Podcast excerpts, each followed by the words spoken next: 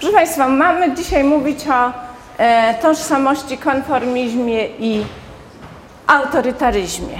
Mm, Ja jestem socjologiem, psychologiem społecznym, stąd e, będziemy się zajmować bardziej jednostką, ale jednostką zawsze w grupie społecznej, w społeczeństwie, w mniejszych czy większych grupach, e, w kontekście ról społecznych e, i jakichś jednak zmiennych historycznych, e, ponieważ e, jednostką w pewnym sensie poza tym kontekstem e, kulturowo-strukturalno-historycznym zajmują się psychologowie, psychologia indywidualna, psychologia kliniczna i cały szereg innych psychologii. E, ja jestem przede wszystkim socjologiem, ale również psychologiem społecznym raczej z edukacji e, z samodzielnej i z badań. E, Przyniosłam Państwu pokazać książki, które na ten temat pisałam, żebyście zanim zacznę dali mi kredyt zaufania i e, sami może przyznali, do czego bardzo skłaniam, że coś na ten temat wiem. Otóż e, to jest książka Autorytaryzm, lękonformizm. Teraz było drugie wydanie tej książki. E, książka napisana przed 20 laty, wydana teraz niedawno bez żadnych zmian, ale rozszerzone, ponieważ tam są no, wyniki nowych badań i e, cały duży rozdział, który nie był zawarty w pierwszym wydaniu. Natomiast to jest książka, którą napisałam z panią profesor Malewską-Pejr, psychologiem, e, która mieszka od 40 lat we Francji i ona prowadziła badania we Francji, ja prowadziłam badania w Polsce e, na temat e, działaczy społecznych, ludzi, którzy zainicjowali w Polsce społeczeństwo obywatelskie, a więc są to badania wśród liderów społeczeństwa obywatelskiego. Analiza psychologiczna, między innymi ich tożsamości, ich motywacji, ich wartości, a więc y, te tematy, y, które są przedmiotem dzisiejszych zajęć, wcześniej już były przedmiotem moich badań. Zarówno autorytaryzm, jak i konformizm, jak i autorytaryzm. Proszę Państwa, ja e, chciałabym e, zacząć dzisiejsze zajęcia od maleńkiej kartkówki. Wszyscy się denerwują. Pani Justyna, e, która mi pomaga, jak powiedziałam, proszę przygotować kartki, też tak sądziła, ale zaraz zobaczycie, że to nie, nie będzie przykre, nie będzie badać wiedzy. Pani Justyno, może Pani rozdać te karteczki? E, e, To jest an, an, an- anonimowe oczywiście. Zaraz bierzemy, zaraz będziemy wykorzystywać wyniki e. Chodzi o to, żebyście Państwo odpowiedzieli na pytanie, ale tylko trzy odpowiedzi mogą być. Pierwsza, druga, trzecia. Kim jestem? Ponieważ tożsamość to jest od, odpowiedź na pytanie, kim jestem, jaki jestem, co, mnie, co jest dla mnie naprawdę ważne. Chciałabym, żebyście teraz przez minutę, minutę napisali e, trzy odpowiedzi spontaniczne. Jak powiedziałam, to jest anonimowe. E, kim, e, kim jestem? Jeden, dwa, trzy. Proszę się chwilę zastanowić i napisać to, co serce dyktuje, a rozum popiera.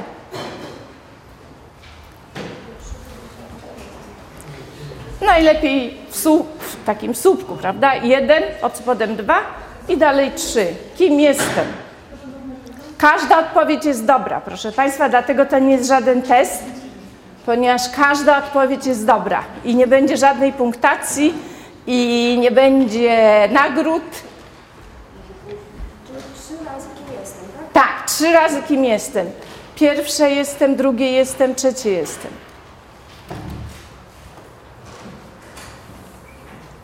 Źle się zachowuje, proszę pana? Dobrze.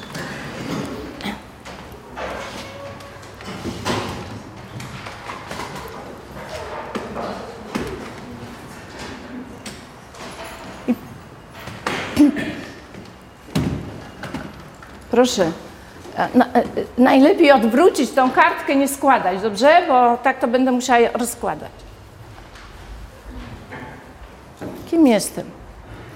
Żadnej szansy e, identyfikacji osoby nie ma. Zresztą myślę, że Państwo macie pozytywną tożsamość, więc nie będzie tam żadnych rzeczy, które należałoby ukryć.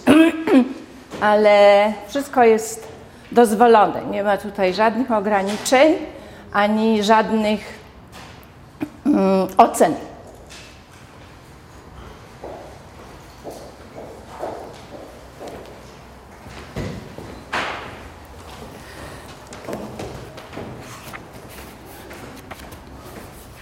Już?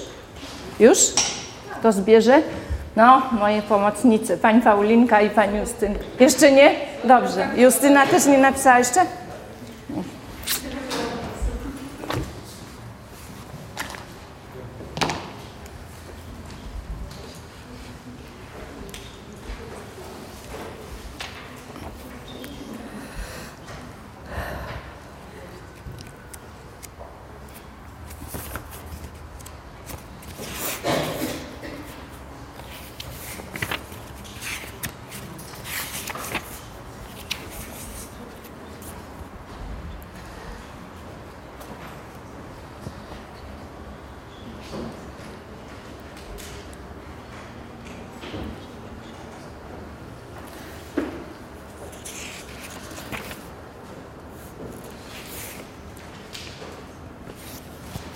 No, już?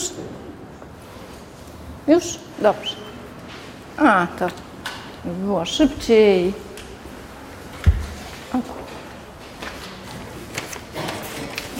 Tak, tak dajemy, tak dajemy. Tak dajemy. Moje pomocnice dużo myślę. Już poszło?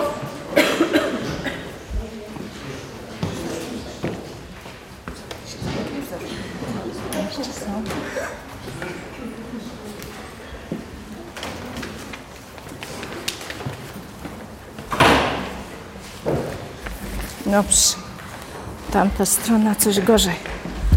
Ale ponieważ nie ścigamy się tutaj, więc. Okej.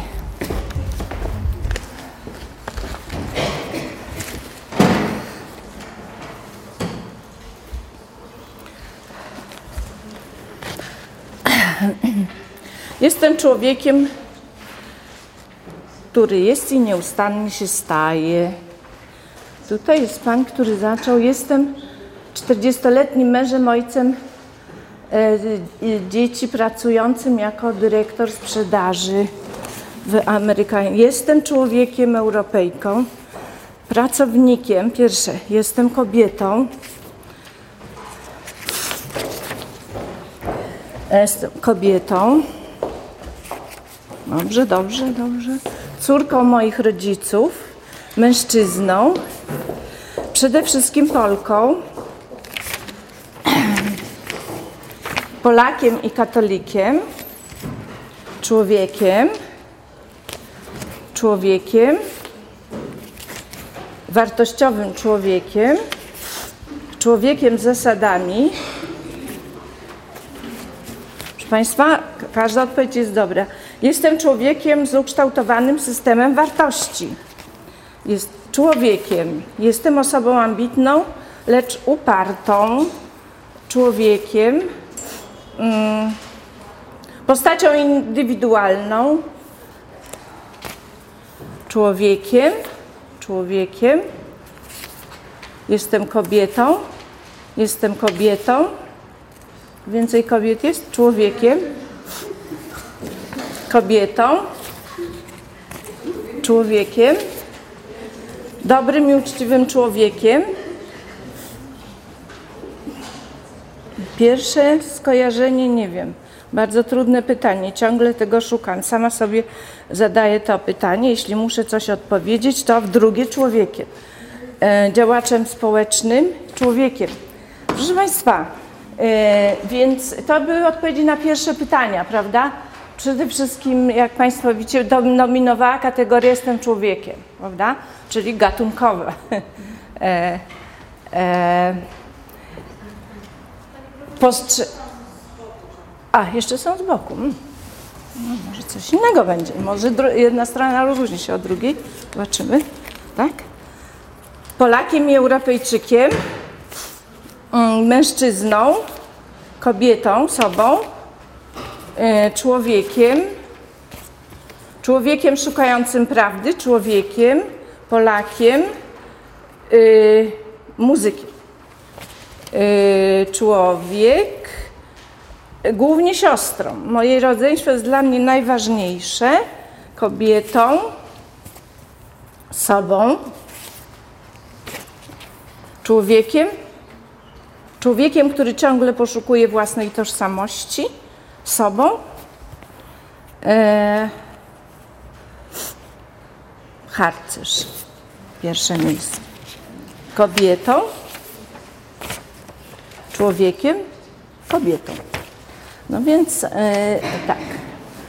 Ciekawa jestem, czy jest taki podział, że mężczyźni częściej mówi, pisali e, człowiekiem, a kobiety kobietą. E, jest takie e, w, świecie feministycznym takie określenie, że jak się e, krzyknie człowieku, to się e, e, obejrzy mężczyzna, a i to, to jest ciągle bardzo ważne. Ale proszę Państwa, rzeczywiście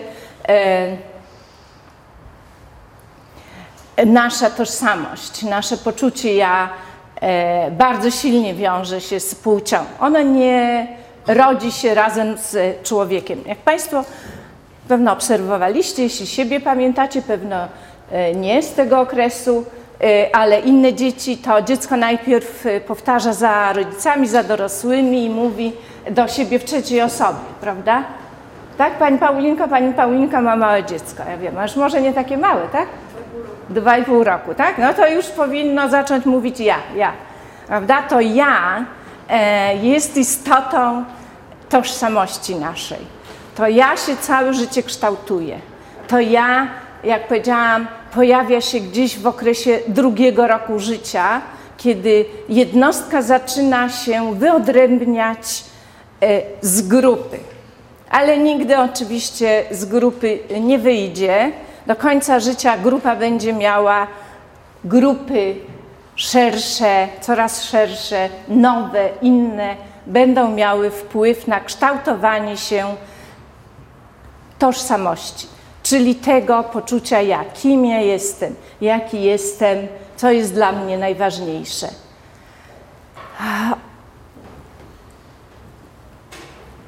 Płeć właściwie jest we wszystkich społeczeństwach od początku życia płcią, czyli tego drugiego roku życia, kiedy pojawia się tożsamość, płcią kulturową.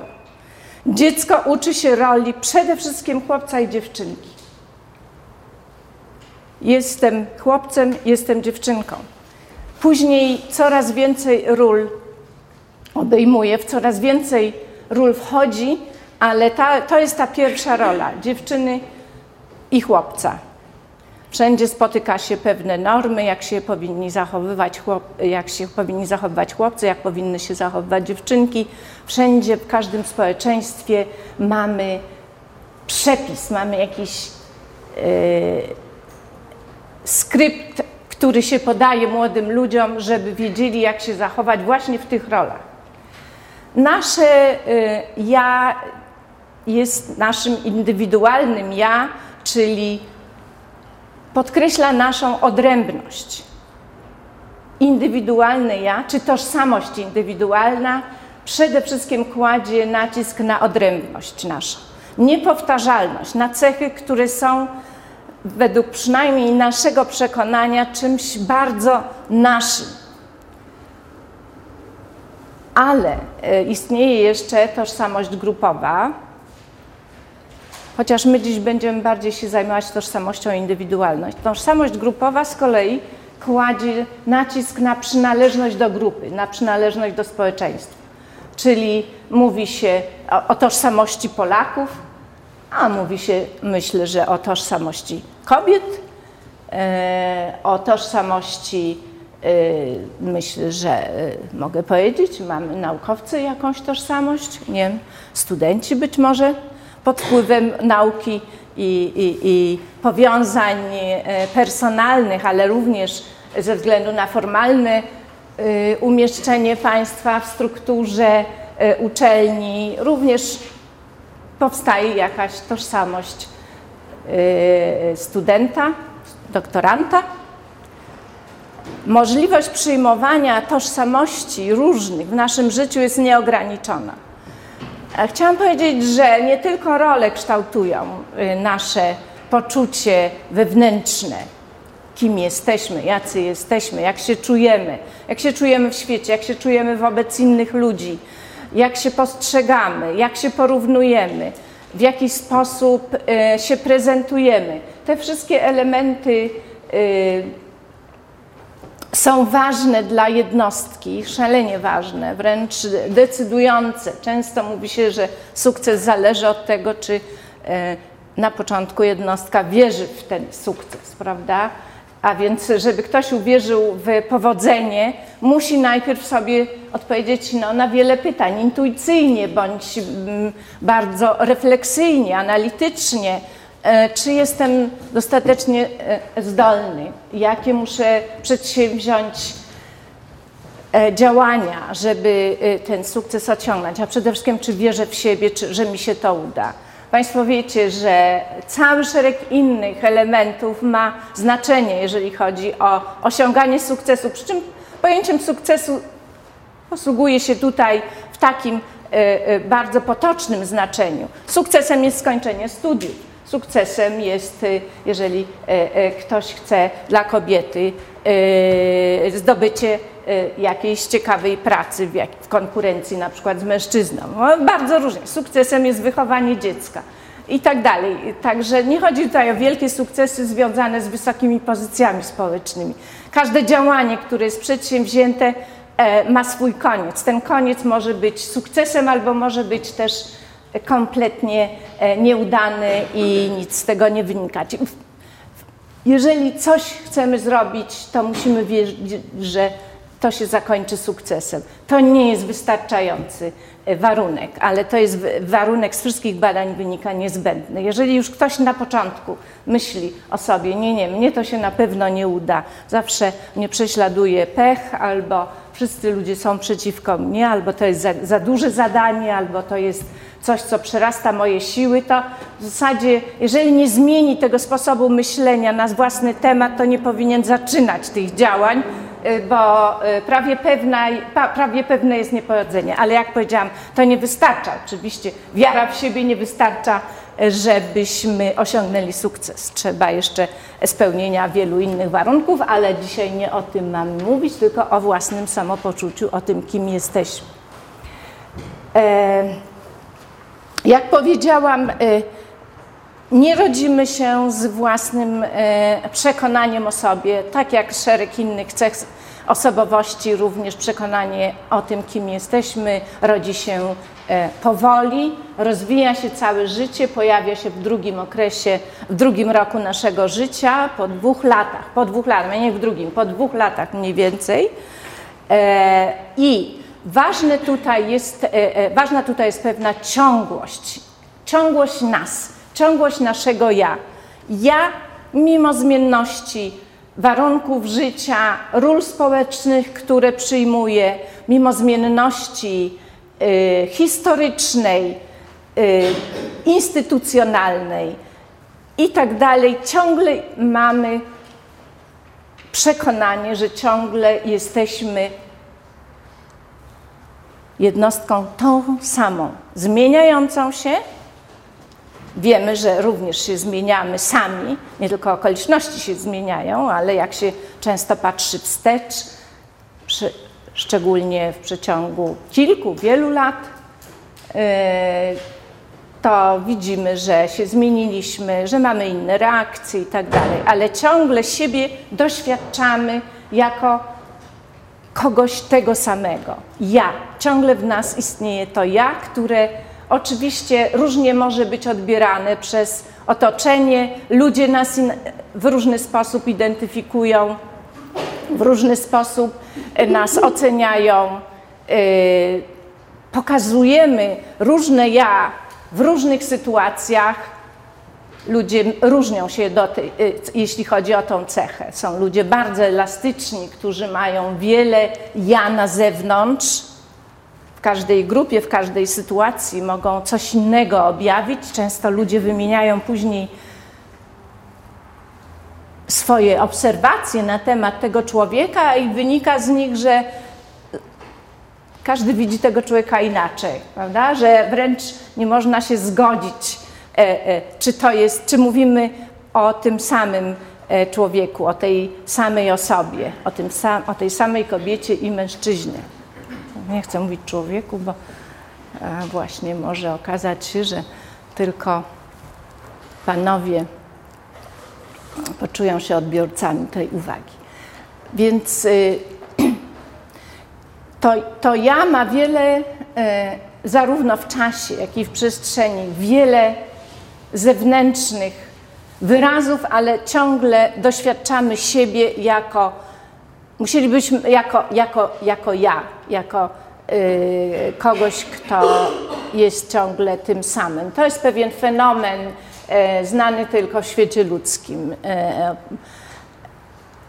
były pewne E, badania nad, e, nad szympansami, ale przynajmniej w lustrze się podobno rozpoznawały, ale jednak to poczucie ja jest tylko charakterystyczne dla, dla ludzi. To wewnętrzne przeżywanie siebie, interpretacja świata wewnątrz nas niepowtarzalna. Ale z drugiej strony jesteśmy, jak powiedziałam, ludźmi, którzy przynależą do grupy, w związku z tym możemy w naszych badaniach socjologicznych odnaleźć pewne cechy wspólne, że ludzie, tożsamość jednostki i czy jednostek, które należą do pewnych wyraźnych grup społecznych, charakteryzują się pewnymi określonymi cechami. A Państwu dam przykład e, tożsamości e, działaczy społecznych, ludzi. To, to jest takie mm, określenie, które niestety nie można E, aktywist po angielsku. Nie, nie, ma dobrego określenia. W Polsce ono było dosyć zużyte w okresie komunizmu. Działaczami społecznymi byli często ludzie, którzy byli uwikłani właśnie w partyjne struktury bądź okołopartyjne, związkowe itd. Tak Natomiast no, w społeczeństwie obywatelskim, wolnej w wolnym kraju pojawili się autentyczni y, działacze społeczni, którzy byli przedmiotem naszych badań. Otóż ci działacze społeczni przede wszystkim charakteryzują się bardzo pozytywną tożsamością.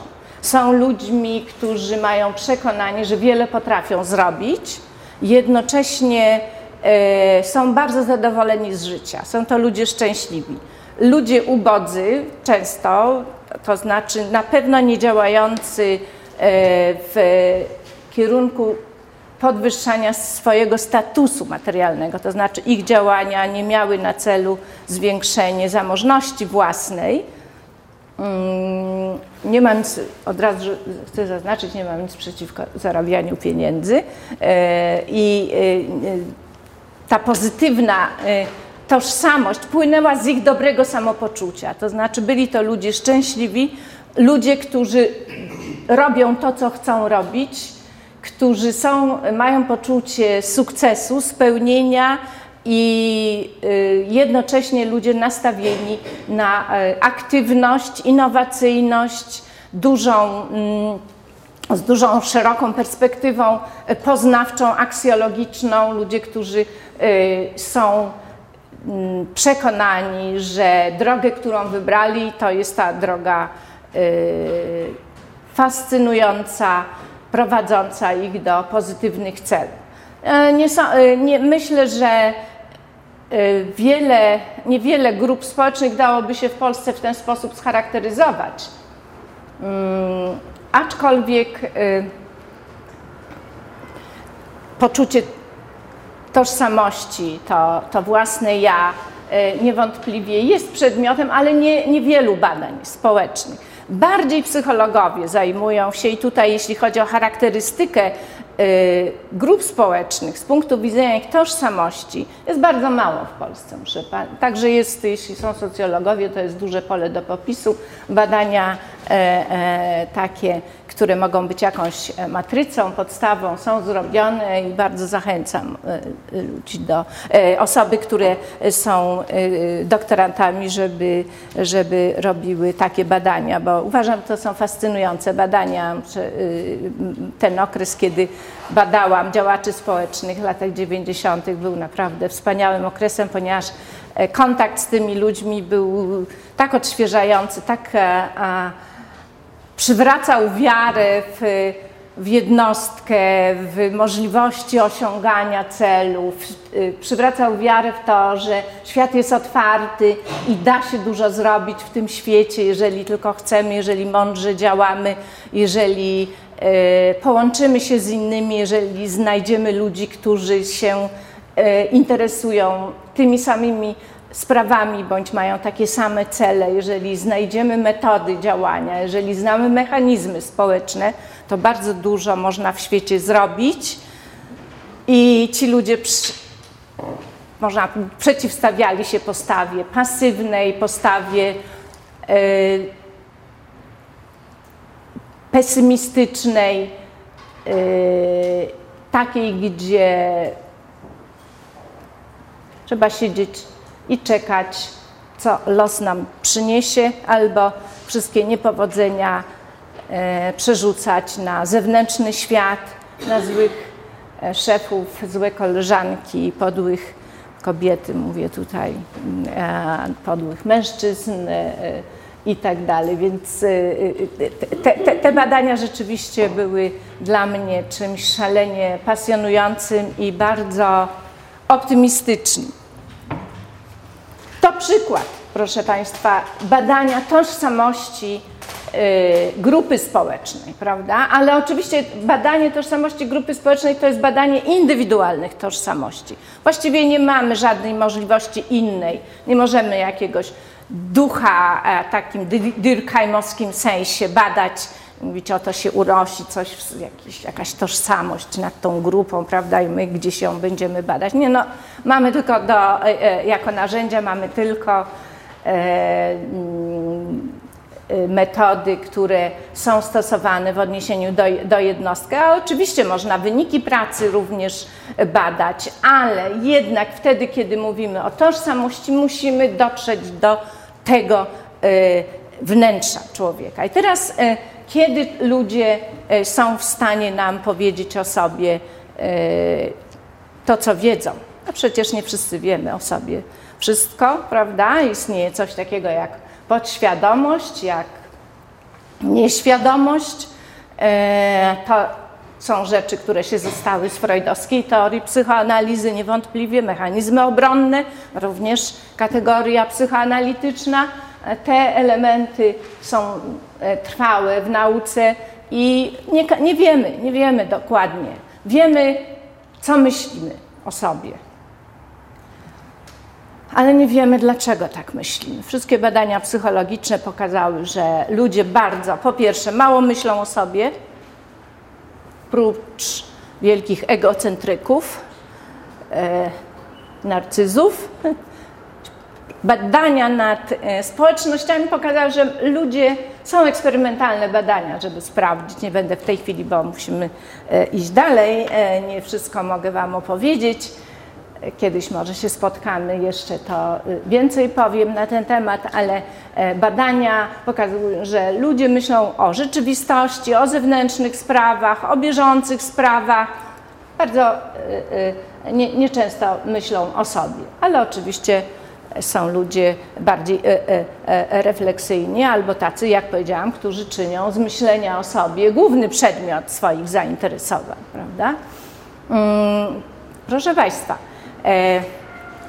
ten, ten indywidualizm, niepowtarzalność jednostki oczywiście różną ma możliwość powiem, zaistnienia i rozwinięcia się w zależności od społeczeństwa Są społeczeństwa kolektywistyczne, są społeczeństwa indywidualistyczne. Są społeczeństwa, które są przede wszystkim nastawione na wytwarzanie niepowtarzalnych jednostek. Są społeczeństwa, które starają się niepowtarzalność jednostki sprowadzić bardziej do pewnych y, wzorów uznanych, do zachowań, które są powtarzalne, które są przyjęte ogólnie, aprobowane i szeroko w danej grupie rozpowszechnione.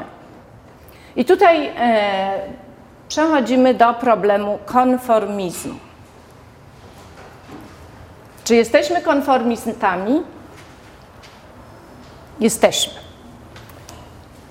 Istnieje, e, proszę Państwa, takie szerokie rozumienie konformizmu, gdzie zwraca się uwagę na to, na powtarzalność pewną naszych zachowań, naszych myśli, naszych wyobrażeń, również naszego poczucia ja.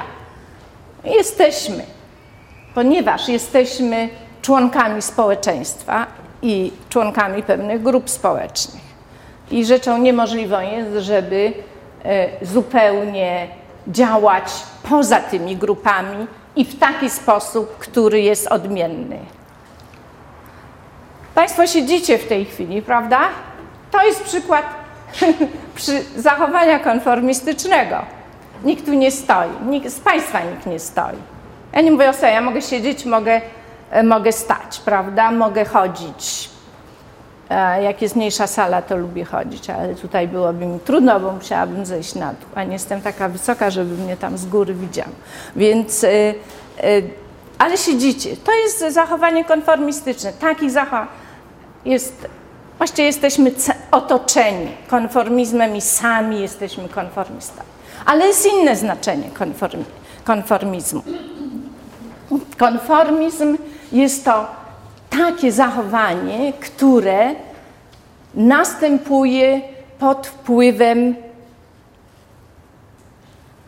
innych ludzi, czyli zmienia się.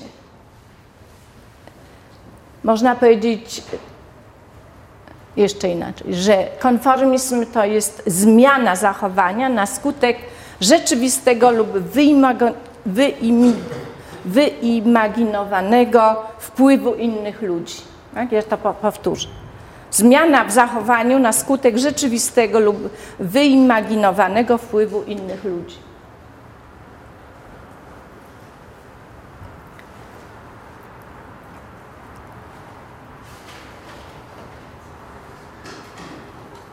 oczywiście jak dorastamy, to uczymy się tych zachowań konformistycznych, ponieważ rodzice e, zmuszają nas do tego, żeby się zachowywać tak jak inni, na ogół.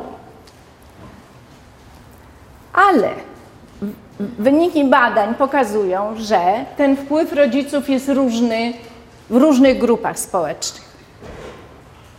Ja badałam wartości konformizmu i wartości to się nazywa po polsku nieładność samokierowania, to jest self-direction, ponieważ to były badania, powtórzenie badań amerykańskich, więc po angielsku to jest self-direction. Są takie dwie orientacje w wychowaniu y, młodzieży, dzieci, które y, obecne są we wszystkich krajach. Te badania były powtarzane w wielu bardzo krajach i wszędzie okazało się, że są takie dwa modele, dwa kierunki wychowania młodych. Jeden do konformizmu bądź do wiem, samosterowania, e, samokierowania. Otóż e, wiecie Państwo, jaką cechą konformizmu, jeśli chodzi o wychowanie czy wartością mm, taką, która jest y, y, najszerzej spotykana w tym wychowaniu konformistycznym, jaka to jest wartość? Jakie polecenie, które y, rodzice wydają, wiecie? Posłuszeństwo. Proszę? Posłuszeństwo. Posłuszeństwo, tak. Rodzicom najpierw, prawda, żeby był posłuszny, ale on pewno Was bardzo zaskoczę dobre wychowanie. Dobre wychowanie.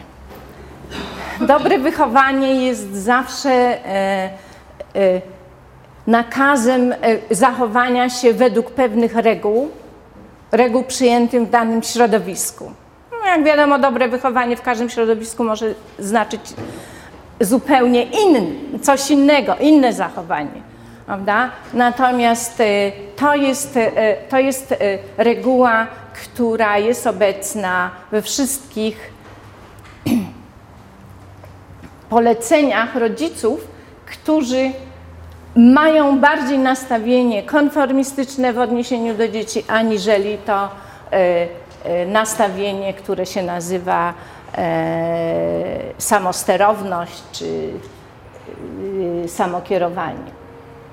Natomiast y, w odniesieniu do tych orientacji, które, jak powiedziałam, tych drugich, czyli samosterowania, y, wartościami jest po pierwsze odpowiedzi, szukanie odpowiedzi, dlaczego,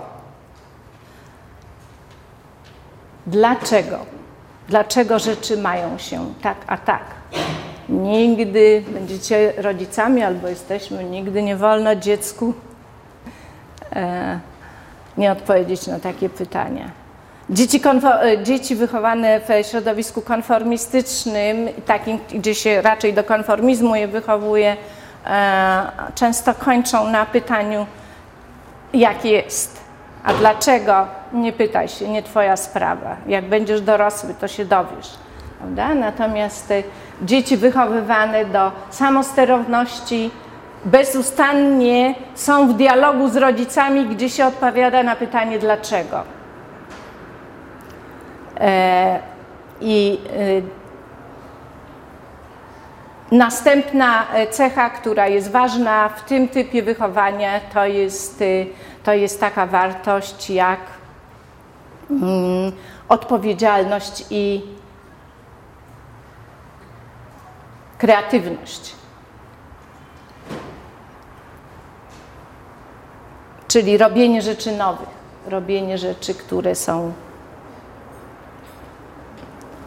związane właśnie z naszą indywidualnością, z naszą niepowtarzalnością.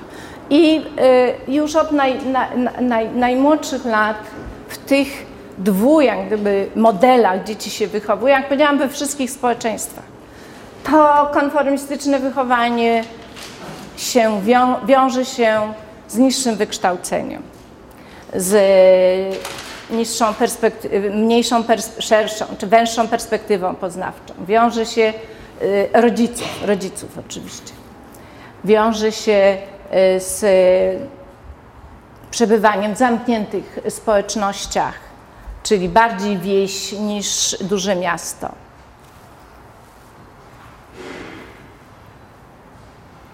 Wiąże się z wykonywaniem pracy fizycznej zauważono, że ludzie, którzy otrzymali takie właśnie wychowanie oparte na konformizmie, są znacznie lepszymi robotnikami w fabryce.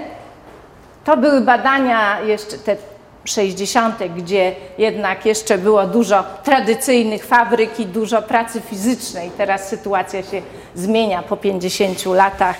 Y, sytuacja pracy ludzi wygląda y, trochę inaczej ale myślę, że jeszcze jest dużo e, e, tak zwanych e, członków klasy robotniczej czy ludzi, którzy pracują fizycznie. Otóż w tego typu pracy ludzie oczekują poleceń, oczekują tego, że ktoś im powie, jak mają robić, co mają robić. Nie pytają dlaczego. Proszę, nie, nie, nie pytają dlaczego, wtedy kłopoty y, y, prawda, e, przynoszą. Natomiast e, e, okazało się, że, że bardzo często w rodzinach, które wychowują dzieci do konformizmu, dzieciom po prostu rozkazy się daje.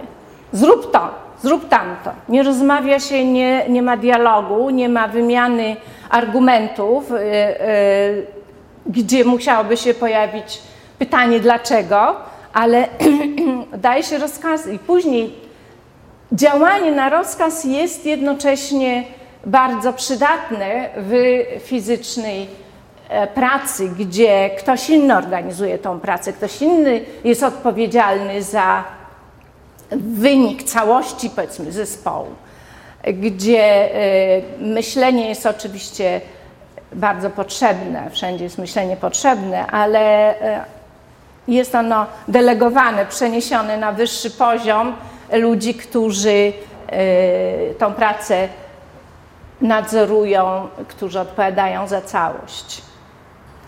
Tak więc Państwo widzicie, w tym, innym, w tym znaczeniu węższym ludzie różnią się konformizmem i różne grupy społeczne już na poziomie wychowania dzieci e, stosują inne techniki, inne strategie, przygotowując je do życia w społeczeństwie. Oczywiście, że później ludzie zmieniają rolę, prawda? Ludzie e, podlegają mobilności społecznej, to jest termin socjologiczny, e, czyli ruchliwości społecznej, zmieniają pozycje społeczne. Dzieci wychowane w rodzinie robotniczej e, kończą studia i e, czy dzieci wychowane na wsi kończą studia i przechodzą do innych grup społecznych. Problemem jest, czy rzeczywiście zmieniają um,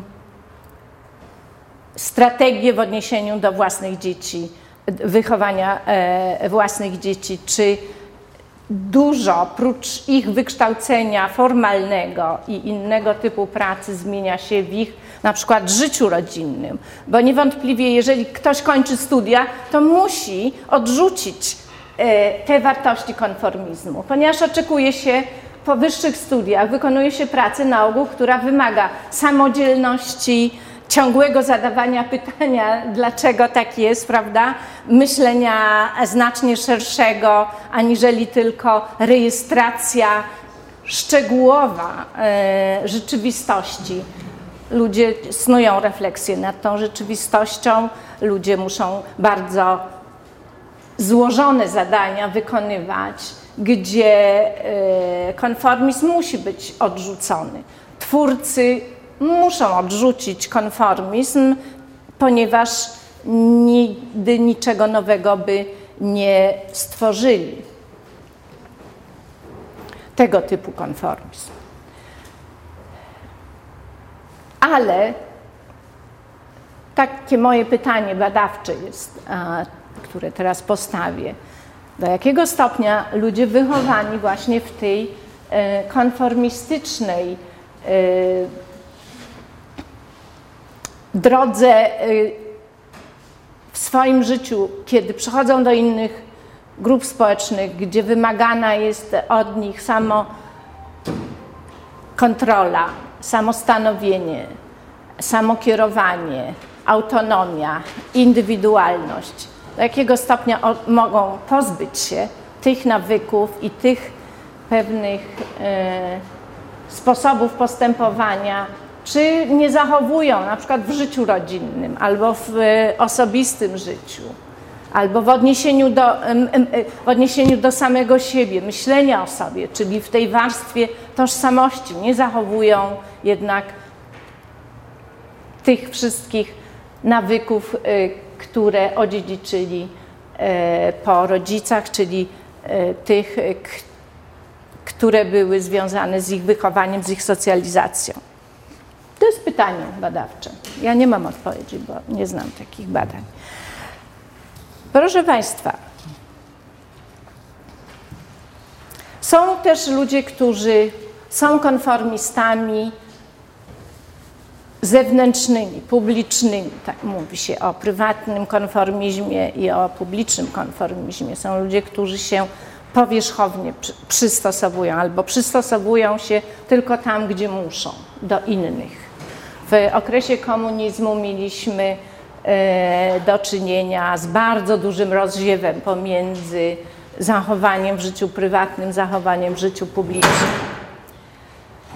Ludzie, którzy mm, pełnili pewne role społeczne, szczególnie w instytucjonalnym życiu, którzy byli zależni od innych, musieli inne postawy prezentować, inne zachowania aniżeli w życiu prywatnym. I między innymi odzyskanie wolności miało taką wartość, że ludzie mogli stać się bardziej spójni i nie żyć w tym schizofrenicznym świecie własnych postaw publicznych i prywatnych. To, to jest termin profesora Wnuklipińskiego o, o schizofrenii y, takiej y, psychospołecznej. Napisał artykuł. Natomiast ja napisałam artykuł o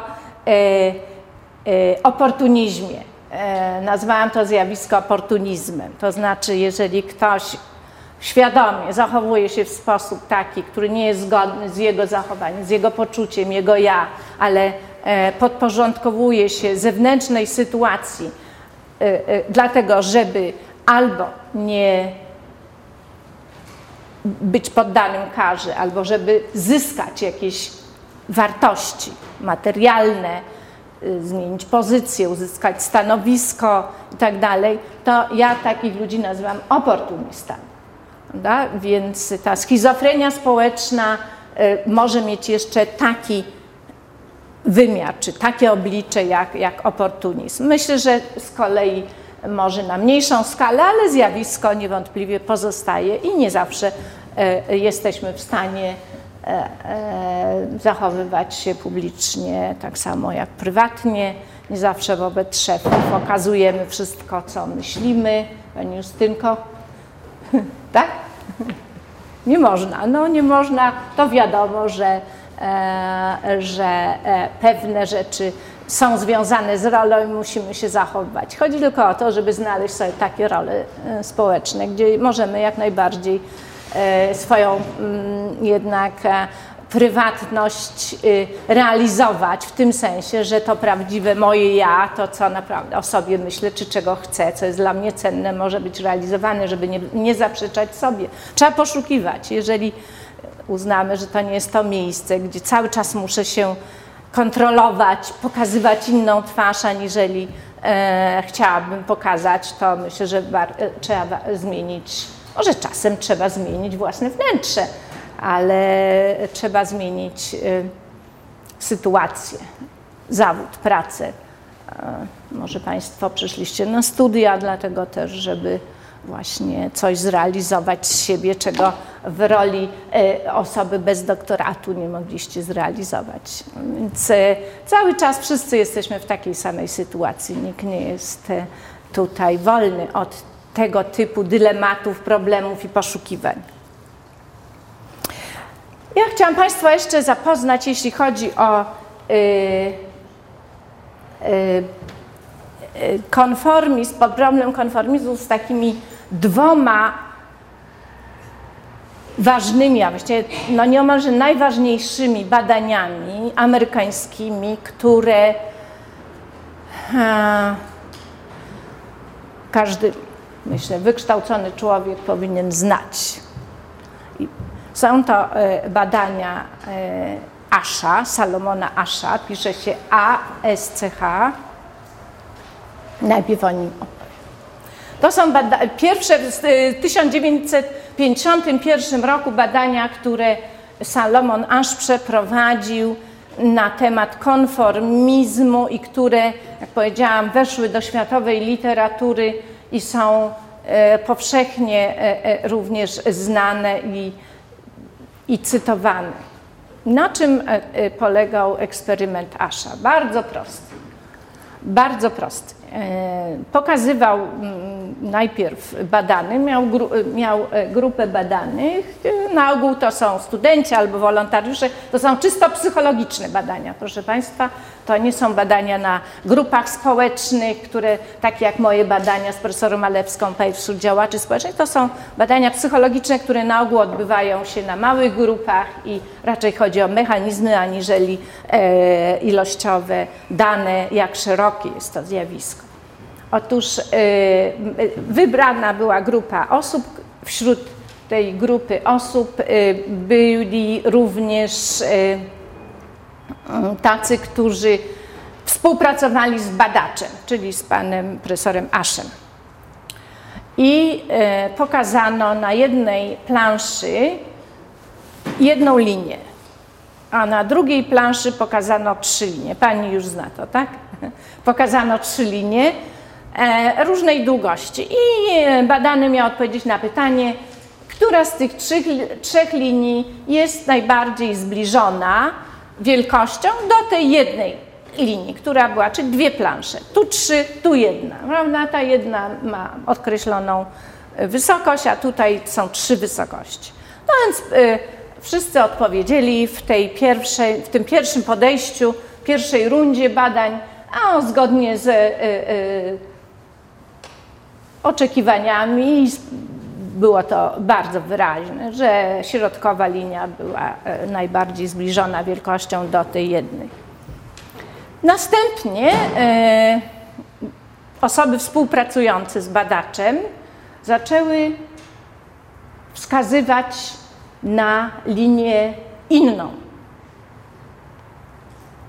I tak e, kilka, kilka takich rund się odbyło. I ten, ci ludzie, którzy nie byli zaznajomieni z, i nie, nie byli współpracownikami, tylko byli poddani eksperymentowi, no jednak e, po pewnym czasie zaczęli mówić tak jak ci współpracujący z badaczem, czyli mówić nieprawdę. Linia była mała, ta na tej planszy, prawda? Na, to, na, na tą małą linię wskazywali e, ludzie współpracujący z badaczem, a tutaj była linia wysoka i po pewnym czasie ludzie zaczęli mówić, że ta mała jest podobna do tej, do tej wysokiej. Co się stało? Czy zaczęli inaczej widzieć pod wpływem grupy przewagi liczebnej, innych głosów, innego postrzegania? Czy zmienili e, coś w swoim widzeniu? Nie, po prostu ulegli wpływowi. Ulegli wpływowi, ponieważ podążanie za większością jest bezpieczniejsze, bardziej się opłaca, można też w takich kategoriach to wyrazić. Nie jesteśmy narażeni na stres, nie jesteśmy narażeni na ewentualną karę,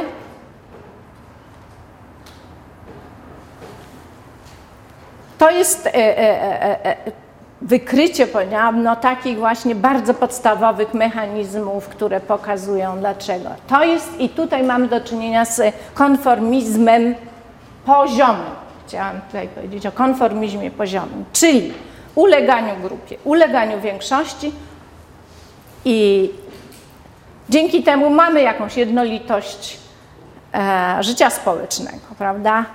E, Moda jest najlepszym przykładem tego. Ludzie podążają za modą, ponieważ na ogół nie chcą się um, różnić od innych. Były badania nad sylwetkami y, kobiet od 1900 roku do prawie końca, y, y, y, czyli przez cały wiek.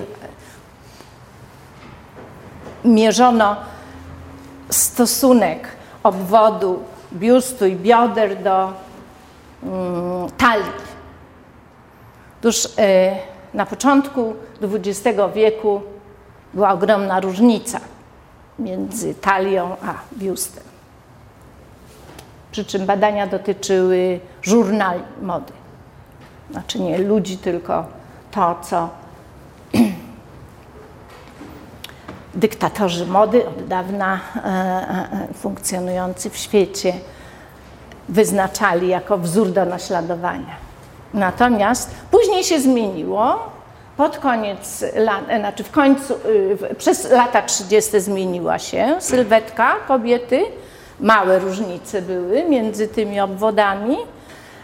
Sytuacja zmieniła się podczas wojny i tuż po wojnie do lat 50., jeszcze jeśli taką osobą Marilyn Monroe, prawda, lata 50., to jest inna sylwetka, duży biust, wąziutka talia, biodra e, kobiece, jeśli można użyć takiego określenia. I później następuje od lat 60. najdłuższy okres w historii mody i propagowania sylwetki, który zwiąże się z szczupłą sylwetką i bardzo małą różnicą, zminimalizowaną różnicą pomiędzy obwodem talii, obwodem biustu i bioder. Bardziej chłopięca e, szczupłość, płaskość to są e, propagowane. Nigdy do tej pory w historii e, mody tak długo nie trwał jeden trend, nie trwał jeden model. To już jest 40 lat. Więc mm, zobaczymy, co będzie dalej. Ale oczywiście to jest zjawisko, które ma ogromny zasięg. To są e, anoreksje, e, to są, e, to są różnego rodzaju diety. Oczywiście jest za tym teraz stoi E, e, duży biznes, ale oczywiście za każdą modą stałby duży biznes, także trudno powiedzieć, że to jest sprawa biznesu. Myślę, że gdyby były e, modne tęgie kobiety, to biznes by więcej zarabiał, bo więcej trzeba było materiału, większe, więcej skóry, więcej różnych rzeczy, które mm, by zakrywały, prawda, jakiś peleryn, jakiś etoli i tak dalej, więc to nie jest, to nie coś jest innego, ale to nie jest dzisiaj nasz, e, nasz e, problem. Więc to jest ten e, konformizm poziomy, a teraz proszę Państwa podstawowe badanie zakresu mechanizmu wykrywania konformizmu pionowego. Pionowy konformizm to jest podporządkowanie się autorytetom, ekspertom, ludziom, którzy stoją od nas wyżej, ludzi, którym ufamy, których uważamy za znawców, autorytety, mm, którzy mają nad nami władzę, którzy są ludźmi, za którymi y, z mniejszą lub większą radością podążamy. To jest eksperyment, a myślę, że tutaj więcej osób słyszało o tym. E, autor tego nazywa się Miligram. M-I LL, 2L, miligram. To badania są z, la, z lat 60. E, badania, które przeraziły świat, ponieważ e, zaraz powiem na czym one polegały. Polegały na tym, że wzięto wolontariuszy, ludzi, którzy się sami zgłosili do badań i e, losowo, bo miał tam być nauczyciel i uczeń i losowo stali się nauczycielami. A więc nie jest tak, że zgłosili się do roli nauczyciela, tylko losowo y, wybrali, y, y, czy przypadła im rola nauczyciela. I natomiast uczniowie mieli odpowiadać na pytania. Za, każdy, za, każdy, za każdą złą odpowiedzią e, szła kara. Uczniowie byli podłączeni, takie elektrody mieli, a ci nauczyciele mieli naciskać przycisk i miał być leciutko porażony prądem e, uczeń. Jeżeli źle, e, jeżeli wszyscy znają, to nie będę opisywać. Nie? Nie, dobrze. E, I Natężenie prądu było od 15 V do 450 V. 450 to nieomalże śmiertelna dawka. I e, ci nauczyciele działali pod e, kierunkiem eksperymentatora, czyli człowieka, który znał całość, zaaranżował, przyjął ich do tego eksperymentu, e, był psychologiem. E, jednym słowem, działali pod wpływem kogoś, e, kto był w tym wypadku ekspertem, autorytetem. Otóż, e, kiedy coraz więcej ktoś popełniał błędów, no to tym mocniejsze e, dostawał kary, prawda? Ten nauczyciel zwiększał natężenie prądu. No, wynik był taki, że ludzie, którzy nie chcieli już podwyższać natężenia prądu, działali mimo wszystko wtedy, kiedy yy, eksperymentator, szef tego yy, eksperymentu mówił im idź dalej, idź dalej. I oni szli dalej. Niektórzy dochodzili do 450 V. E, wysnuto z tego taki wniosek, e, że w zależności od roli, czy się wchodzi, jeszcze jest tak, e, jeszcze taki Zimbardo jest eksperyment podobny, prawda, o, o, o więźniach i, i, i ich y, y, więźniach i nadzorcach. Wysnuto z tego taki wniosek, że natura ludzka jest y, pełna agresji i w zależności od roli możemy tą y, agresję ujawnić, jeżeli tylko przypisze nam się określoną rolę. Otóż Milgram e, robił e, kilka jeszcze eksperymentów, z których wynika, że na przykład wtedy, kiedy kazał włączyć bardzo wysokie natężenie prądu i karać wysokim natężeniem prądu, ludzie odmawiali.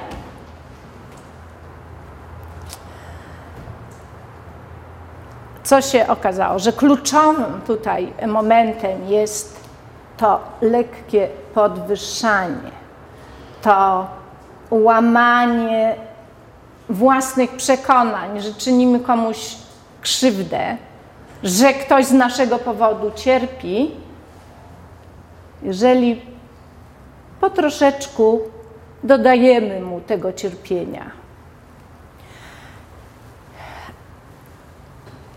Rola eksperymentatora, osoby, która ma decydujący wpływ na decyzję, miała znaczenie wtedy, kiedy ludzie nie wiedzieli, jak się zachować. Z, tutaj zbiegły się dwie normy. One pozostawały w konflikcie. Z jednej strony każdy z nas chce i ma przekonanie, prócz sadystów, a nie sądzimy, żeby w tym eksperymencie akurat znaleźli się sadyści. Sadyści, bo im przyjemność sprawia e, cierpienie innych, prawda? Ale to jest psychopatia, to jest e, pewna dewiacja osobowości i dewiatów, e, tego typu dewiantów jest 5% w każdym społeczeństwie, więc trudno sądzić, że akurat w tej małej grupie znaleźli się sadyści, byli to normalni ludzie. Otóż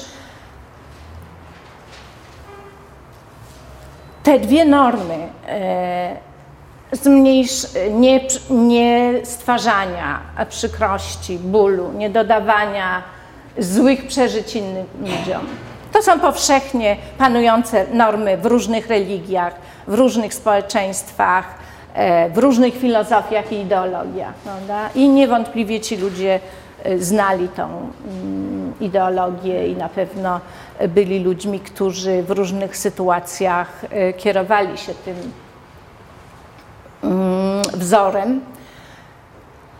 I druga norma, płynąca od autorytetu, działaj dalej, masz tak robić, nie kończ, wszystko jest dobrze. Ja, człowiek, który prowadzi te badania, wiem lepiej, prawda? To jest potrzebne, tak, tak to ma wyglądać i tak dalej. Tutaj norma autorytetu i norma e, humanitarna, niezadawania bólu była w, pewnej, w pewnym konflikcie. Sytuacje niepewności, sytuacje konfliktowe, sytuacje, w której nie wiemy, jak się zachować, są takimi sytuacjami, w którym autorytet może wejść i nam nakazać i robimy rzeczy, których byśmy w innej sytuacji, kiedy jesteśmy przekonani e, o pewnej e, racji i nie potrzebujemy się odwoływać do autorytetów, e, byśmy się zgodnie z tym zachowali. Tutaj nie było takiej sytuacji. Także proszę, e, e, e, bo naprawdę często te, te dwa eksperymenty miligrama i Zimbardo traktowane są jako rozpowszechnianie wiedzy o złej naturze ludzkiej. To nie ma nic wspólnego. Raczej mówimy tutaj o tym, że odpowiednia manipulacja ludźmi, odpowiedni bodziec płynący od określonych agent, ludzi, podmiotów, e, instytucji, prawda, e, które e, się pojawiają w określonej naszej psychologicznej sytuacji. I powiedziałam, powolne, powolne wciąganie człowieka do pewnych niezgodnych z ich poprzednimi wyobrażeniami zachowań daje takie, takie efekty, to oczywiście nam coś może wyjaśnić, dlaczego ustroje totalitarne e, wciągnęły komunizm, faszyzm, nazizm, wciągnęły e, tyle ludzi, porządnych, zdawałoby się, ludzi, o których sądziliśmy, że nie są zdolni do takich zachowań. Y, nie chcę roz, y, y, dalej, ale możecie Państwo, jak idziecie do domu, możecie w internet wejść, psychologię społeczną Aronsona, jest taka gruba książka, przeczytać, tam jest więcej na, na ten temat. I przechodzimy, proszę Państwa, do problemu wobec tego autorytetu. Otóż w latach 30., e, 40. E, to mm, jeszcze w Niemczech, gdzie istniała tak zwana szkoła frankfurcka, do niej należeli między innymi Erich Fromm i Theodor Adorno, ale również Karen Horney i inni ludzie. Oni przenieśli się do Stanów na szczęście jeszcze przed wojną. I y, uprawiali w Niemczech taką refleksję na temat y, roli autorytetu. To było w społeczeństwie niemieckim, które to społeczeństwo znane jest z pewnego modelu relacji pomiędzy podwładnymi i szefami porządek zawsze, który jest taką bardzo ważną wartością w społeczeństwie niemieckim, on porządek e, jest zawsze nadzorowany, prawda? Ordnung muss sein, znacie to określenie, prawda? Porządek musi być, a ten, nad tym porządkiem mają e, czuwać odpowiedni ludzie i hierarchia cała e, ludzi, którzy są wzajemnie podporządkowani jedni drugim. Otóż e, zastanawiali się ci e, uczeni, czy to jest tylko charakterystyczne dla społeczeństwa niemieckiego, a później, kiedy e, Hitler doszedł do władzy i kiedy rozpoczęła się era mm, no właśnie takiej zmiany świadomości i zarażania ludzi ideologią hitlerowską, kiedy NSDAP zaczęło mieć duże wpływy. Kiedy później zaczęła się wojna, e, to pytanie stało się pod, pytaniem podstawowym. Ci badacze byli już w Stanach i postanowili zbadać problem, ponieważ wysunęli taką hipotezę, że nie wszyscy ludzie są w stanie e, poddać się mm, nazistowskiej ideologii. Że jeżeli przyjdzie taki apel, od strony przywódców, to pewni ludzie szybciej, a pewni później, a pewni, a pewni wcale nie poddadzą się tej ideologii i ta ideologia nie będzie miała dla nich tak wielkiego znaczenia. I zrobili badania w Stanach Zjednoczonych. Ponieważ uważali, że to jest pewna uniwersalna cecha społeczna. Proszę Państwa, Zaraz powiem o wynikach tych badań, o wynikach e, badań w Polsce e, na ten temat. Ale co się okazało? Okazało się, że bardzo dużo w Ameryce ludzi autorytarnych e, występuje. a że to nie jest tylko cecha społeczeństwa niemieckiego. Być może społeczeństwo niemieckie jest bardziej naładowane takimi typami osobowości, prawda? Ale że to jest znowu e, pewna cecha, a powiedziałabym inaczej jeszcze, że to jest pewien syndrom, ponieważ autorytaryzm okazał się pewnym syndromem postaw i przekonań. Występuje w różnych społeczeństwach. Badania, które po badaniach Adorno, y, bo on był szefem tych, Teodor Adorno był szefem tych y, badań, y, zaczęły pojawiać się w różnych krajach. Lata 50. W 51 roku wyszła książka, a lata 50., po, po, pierwsza połowa lat 60. to jest ogromny wzrost badań nad osobowością autorytarną w wielu różnych krajach. I okazało się, że we wszystkich krajach możemy odnaleźć takich ludzi, którzy się tym poziomem autorytaryzmu różnią od innych, są bardziej autorytarni, bądź można powiedzieć, posiadają osobowość autorytarną. Książka Adorno nazywała się The Authoritarian Personality, właśnie osobowość autorytarna. Stąd zaczęto mówić o osobowości autorytarnej. A dlaczego osobowości? Ponieważ okazało się, że to nie jest jedna cecha. Że owszem, podporządkowanie się autorytetowi to jest cecha naczelna. To znaczy dla ludzi yy, pewnych to, co mówią znaczące jednostki, bądź jednostki, od których oni są, zale, yy, są zależni, jest najważniejsze. Ważniejsze niż własne myślenie, ważniejsze niż postrzeganie świata w inny sposób że są w stanie podążać i podporządkować się tym y, ludziom. Ale z tym wiążą się inne cechy. To nie jest cecha jednostkowa w osobowości, wyodrębniona. E, I dlatego mówimy o czymś, co się nazywa syndromem autorytarnym, bądź tak jak Adorno to nazwał, osobowością autorytarną. Otóż z tą cechą łączy się również postrzeganie świata w kategoriach czarno-białych, dwubiegunowych, takich, e, gdzie nie ma odcieni szarych, nie ma odcieni kolorowych, o różnych kolorach, tylko są dobrzy i źli. Są sprawiedliwi i niesprawiedliwi. Są ludzie na górze i ludzie na dole. Są ludzie mądrzy i ludzie głupi. Są ludzie, którzy e, zasługują na szacunek i ludzie, którymi należy pogardzać. Taka wizja, dwubiegunowa wizja świata charakteryzuje również ludzi, którzy e, uznają, że głównie podążać należy tą drogą, którą autorytety nam e, wyznaczyły, a nie nasze własne myślenie. Inną cechą, proszę Państwa, jest myślenie kategoriami in-group, out-group, czyli grupy własnej i grupy obcej.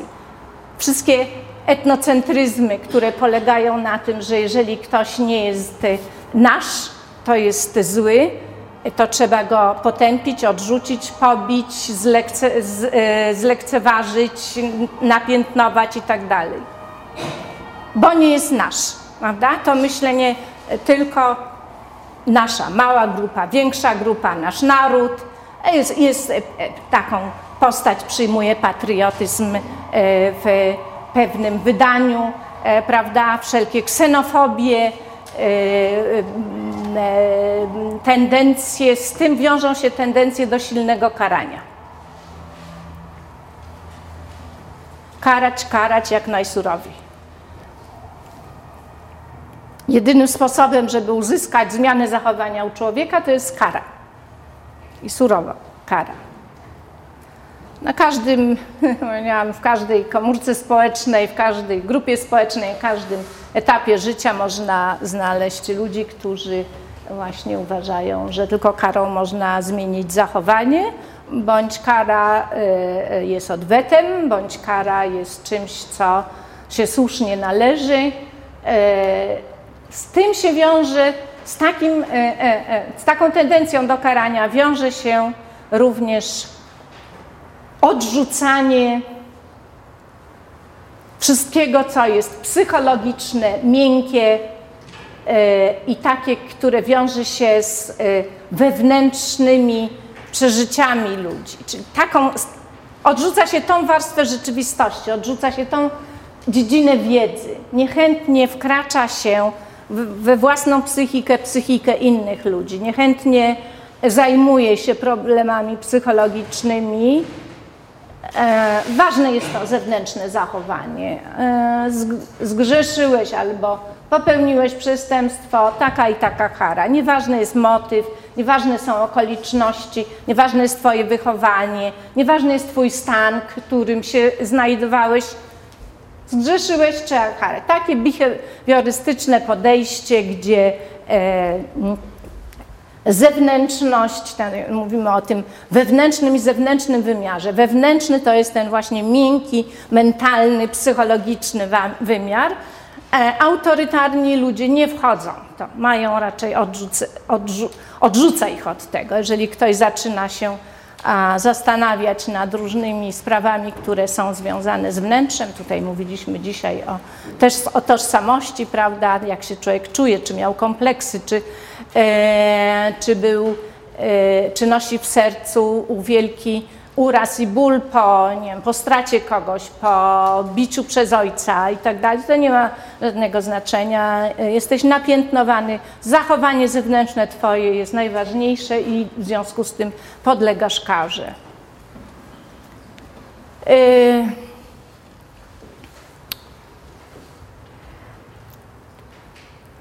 te cechy y, y, jak, jak powiedziałam, okazały się mm, występujące, czyli ten syndrom cech.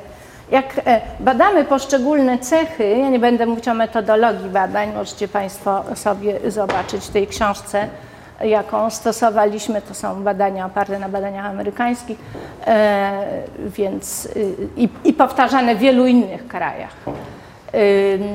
Więc y, y, okazało się, że, że, że wszędzie mamy do czynienia z takimi ludźmi, ale oczywiście pewne grupy są y, bardziej skłonne do przyjmowania e, takich autorytarnych postaw, zachowań i, i wizji świata. E, jacy ludzie? Podobnie jak przy konformizmie, ja scharakteryzowałam tą grupę. To znaczy, ludzie niżej wykształceni, ludzie wykonujący pracę fizyczną, ludzie żyjący w zamkniętych społecznościach lokalnych, ludzie z niższą, węższą perspektywą poznawczą, bo nie tylko wykształcenie jest y, dla socjologa prawie jedynym takim wskaźnikiem, prawda, gdzie możemy określić perspektywę poznawczą, ale są inne. Są ludzie nisko wykształceni, ale o bardzo otwartych głowach. Mówimy tutaj o e, e, open and closed mind, Rokicza, o otwartym i zamkniętym umyśle, a więc ta otwartość umysłu jest tutaj decydująca, która pozwala nam się uczyć przez całe życie, która pozwala nam bardzo dużo przyjmować nowych informacji i je przetwarzać i zmieniać nasze podstawy y, pod wpływem tych informacji. Niekoniecznie wykształcenie formalne musi za tym iść. Y, poza tym y, wiąże się tutaj z pewną tolerancją, bo oczywiście z tych cech, które wymieniłam, tolerancja narzuca się sama w sobie. Ci ludzie są mało tolerancyjni na odmienność, prawda? Może jeszcze Państwo zapiszecie sobie wśród tych cech właśnie brak to, e, autorytarni e, osobowości, prawda, są mało autorytarni, e, są mało, są mało tolerancyjni. Czyli jest taki rygoryzm. No to ja, ja już charakteryzowałam za pomocą tego przykładu, który, dotyczyły, który dotyczył kar, ale to są ludzie, którzy jak ma być tak, to tak, prawda? Tutaj nie, nie ma wariantów, nie ma różnego rodzaju możliwości zmiany, wszystko jest dewiacją, wszystko jest y, obrzydliwstwem, wszystko, co jest nie takie, jak ja uważam, czyli w pewnych wąskich ramach trzymające się, należy, należy to potępić, odrzucić, e, starać się zlikwidować. Myślę, że Państwo znajdujecie dużo tutaj w odniesieniu do e, szerszych ideologii, które znacie pewne, pewne cechy charakterystyczne. Osobowością, która jest kontradyktoryjna, stoi na drugim krańcu autory, autorytarnej osobowości, jest osobowość demokratyczna. Można powiedzieć autonomiczna, ale jednak oni używali tego określenia the authoritarian personality i the democratic personality, więc mówmy o demokratycznej osobowości. W demokratycznej osobowości ludzie są przede wszystkim dla siebie ludźmi. Piękny tutaj był przykład, tak? Jestem człowiekiem, jestem człowiekiem. Po, pojawiało się w naszej odpowiedzi na pytanie, kim jestem. Jestem człowiekiem, to znaczy, że inni są dla mnie też ludźmi. I nieważny jest kolor skóry, mm, przekonania polityczne i tak. To, to, są, to jest element myślenia demokratycznego. No nie znaczy, że jak się mówi, że jestem kobietą, że nie jest ktoś demokratyczny, prawda? Ale e, e, ponieważ różne wskaźniki są tego, e, e demo, tej demokratycznej osobowości. Daję tylko przykład.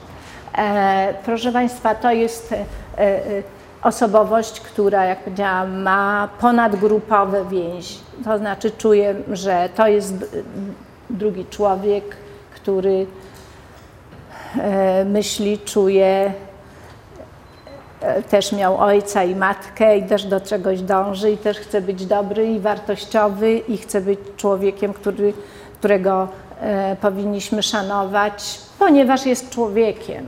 Teraz, a nawet jeżeli nie jest takim człowiekiem jak my, to chcemy jednak go zrozumieć. Czyli e, e, demokratyczna osobowość jest w stanie w przeciwieństwie do autorytarnej jednak e, zatrzymać się nad tym psychologicznym, miękkim wymiarze życia społecznego. Mm, właśnie zadaje pytanie, dlaczego, ale mm, jest znacznie bardziej to, tolerancyjna, a przede wszystkim, to jest najważniejsza rzecz, głównie kładzie nacisk na poziome relacje między ludźmi, nie pionowe. To, co było najważniejsze dla autorytarnej osobowości, gdzie władza jest najważniejsza, autorytarnej osobowości. Ale również ważne jest to, nad kim ja sprawuję władzę. Mówiło się często o autorytarnej osobowości, są ludzie słabosilni, to znaczy tacy, którzy e, podlegają i korzą się i klękają na kolana wobec ludzi wyżej stojących, ale jednocześnie e, sami e, gnębią i starają się górować, pokazywać swoją wyższość nad ludźmi niżej stojącymi. Dlatego się jest słabosilna albo właśnie taka osobowość, która jest tak hierarchiczna. Cały czas funkcjonuje w porządku hierarchicznym. Kto jest wyżej ode mnie, kto jest niżej ode mnie, prawda?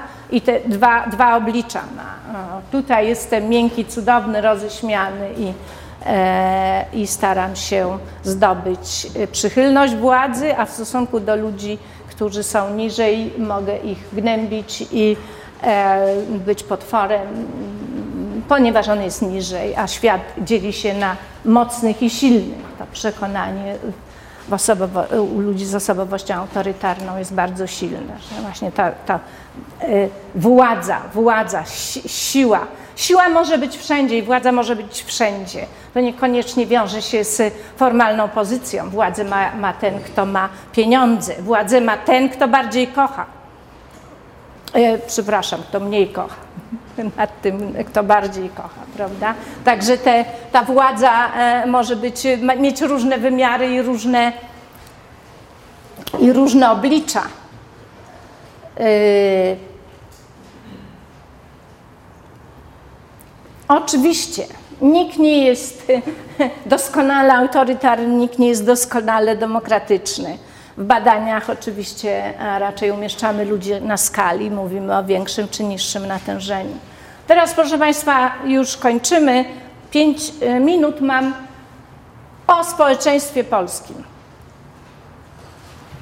No niestety to jest społeczeństwo autorytarne. Ale, ale młodzież. Ostatnio pisałam artykuł o naszej młodzieży lat 20. Jest antyautorytarna, więc jest jakieś światełko nad tym krajem, które może się e, szerzej zapali. Nasze wyniki badań porównawczych pokazują, że jesteśmy na poziomie Rosji i Bułgarii, jeśli chodzi o, o natężenie, tak powiem, postaw autorytarnych czy osobowości autorytarnych. Ale to badania sprzed kilku laty. E, myślę, że coraz większe. Ja e, nie chcę tutaj e, mówić o tej młodzieży, którą badałam, bo to jest inna sprawa, ale to jest pokolenie antyautorytarne. Te wszystkie cechy, które są charakterystyczne dla osobowości autorytarnych, znikają w, w tej, tym najmłodszym pokoleniu ludzi wychowanych w internecie. Internet z wyników badań nad internetem pokazuje, że ma, ma znacznie więcej zalet niż wad. Nie wiem, czy Państwo wiecie, że jednak uspołecznia, podtrzymuje kontakty, uczy tolerancji, uczy y, zmienności rzeczywistości, y, tej właśnie migotliwości, a nie e, utwierdza ludzi w przekonaniu o podziale sztywnym raz na zawsze na mądrych, głupich, mocnych, słabych i tak dalej. Wprost przeciwnie. Możliwości rozmawiania z ludźmi w sytuacji prywatnej, takich jak, jak właśnie czaty czy mm, anonimowe, czy blogi, prowadzenie blogów, czy no, wyrażanie się, komunikacja, e, która e, zapewnia internet, daje lepsze wejrzenie młodym ludziom w świat innych ludzi. To są ludzie znacznie bardziej wykształceni, bardziej wrażliwi na właśnie ten psychologiczny wymiar rzeczywistości. I odrzucają autorytety, trochę są, trochę przesadzają, może powiedziałam, bardzo mocno podkreślają tą rolę własnego ja, indywidualizmu. Ja wiem, co mam robić, czyli ta samosterowność, o której mówiłam, samo Y, poleganie jest bardzo mocno rozbudowane wśród tej naszej najmłodszej młodzieży. E, tej, ja tutaj mam 17-23 lata, tych młodych ludzi, którzy jeszcze byli wychowani przez rodziny y, i szkoły, oczywiście korzeniami y, tkwiącymi, z korzeniami tkwiącymi w komunizmie, no ale już otwarty świat, Y, związek z Europą, łatwość przenoszenia się, właśnie internet, który daje taką możliwość multiplikacji światu, w którym się żyje, to da, daje już swoje efekty i myślę, że e, ta ponura wizja, ponura wizja powrotu nie wiem, komunizmu, nazizmu czy innych y, totalitaryzmów może nas oddalić od ze względu na to właśnie młode pokolenie. A y, z takich ciekawych jeszcze wyników badań mogę Państwu powiedzieć, że mm, silny autorytaryzm społeczeństwa polskiego w latach 70. znacznie zmniejszył się w latach 80. Y, pod wpływem przemian e, związanych z powstaniem Solidarności, z uwolnieniem ludzi, z możliwością wyrażenia siebie, powiedzenia prawdy, odzyskaniem pewnej podmiotowości. Także robiliśmy badania w latach 80. i y, w latach 70. i były znaczne różnice w, e, w tym, czyli nawet ci sami ludzie są w stanie w przeciągu 5-10 lat się zmienić i nie są, i nie są raz na zawsze ukształtowani. I to jest taki optymistyczny e, moment, którym chciałabym zakończyć ten wykład i spotkanie z Państwem. Dziękuję bardzo.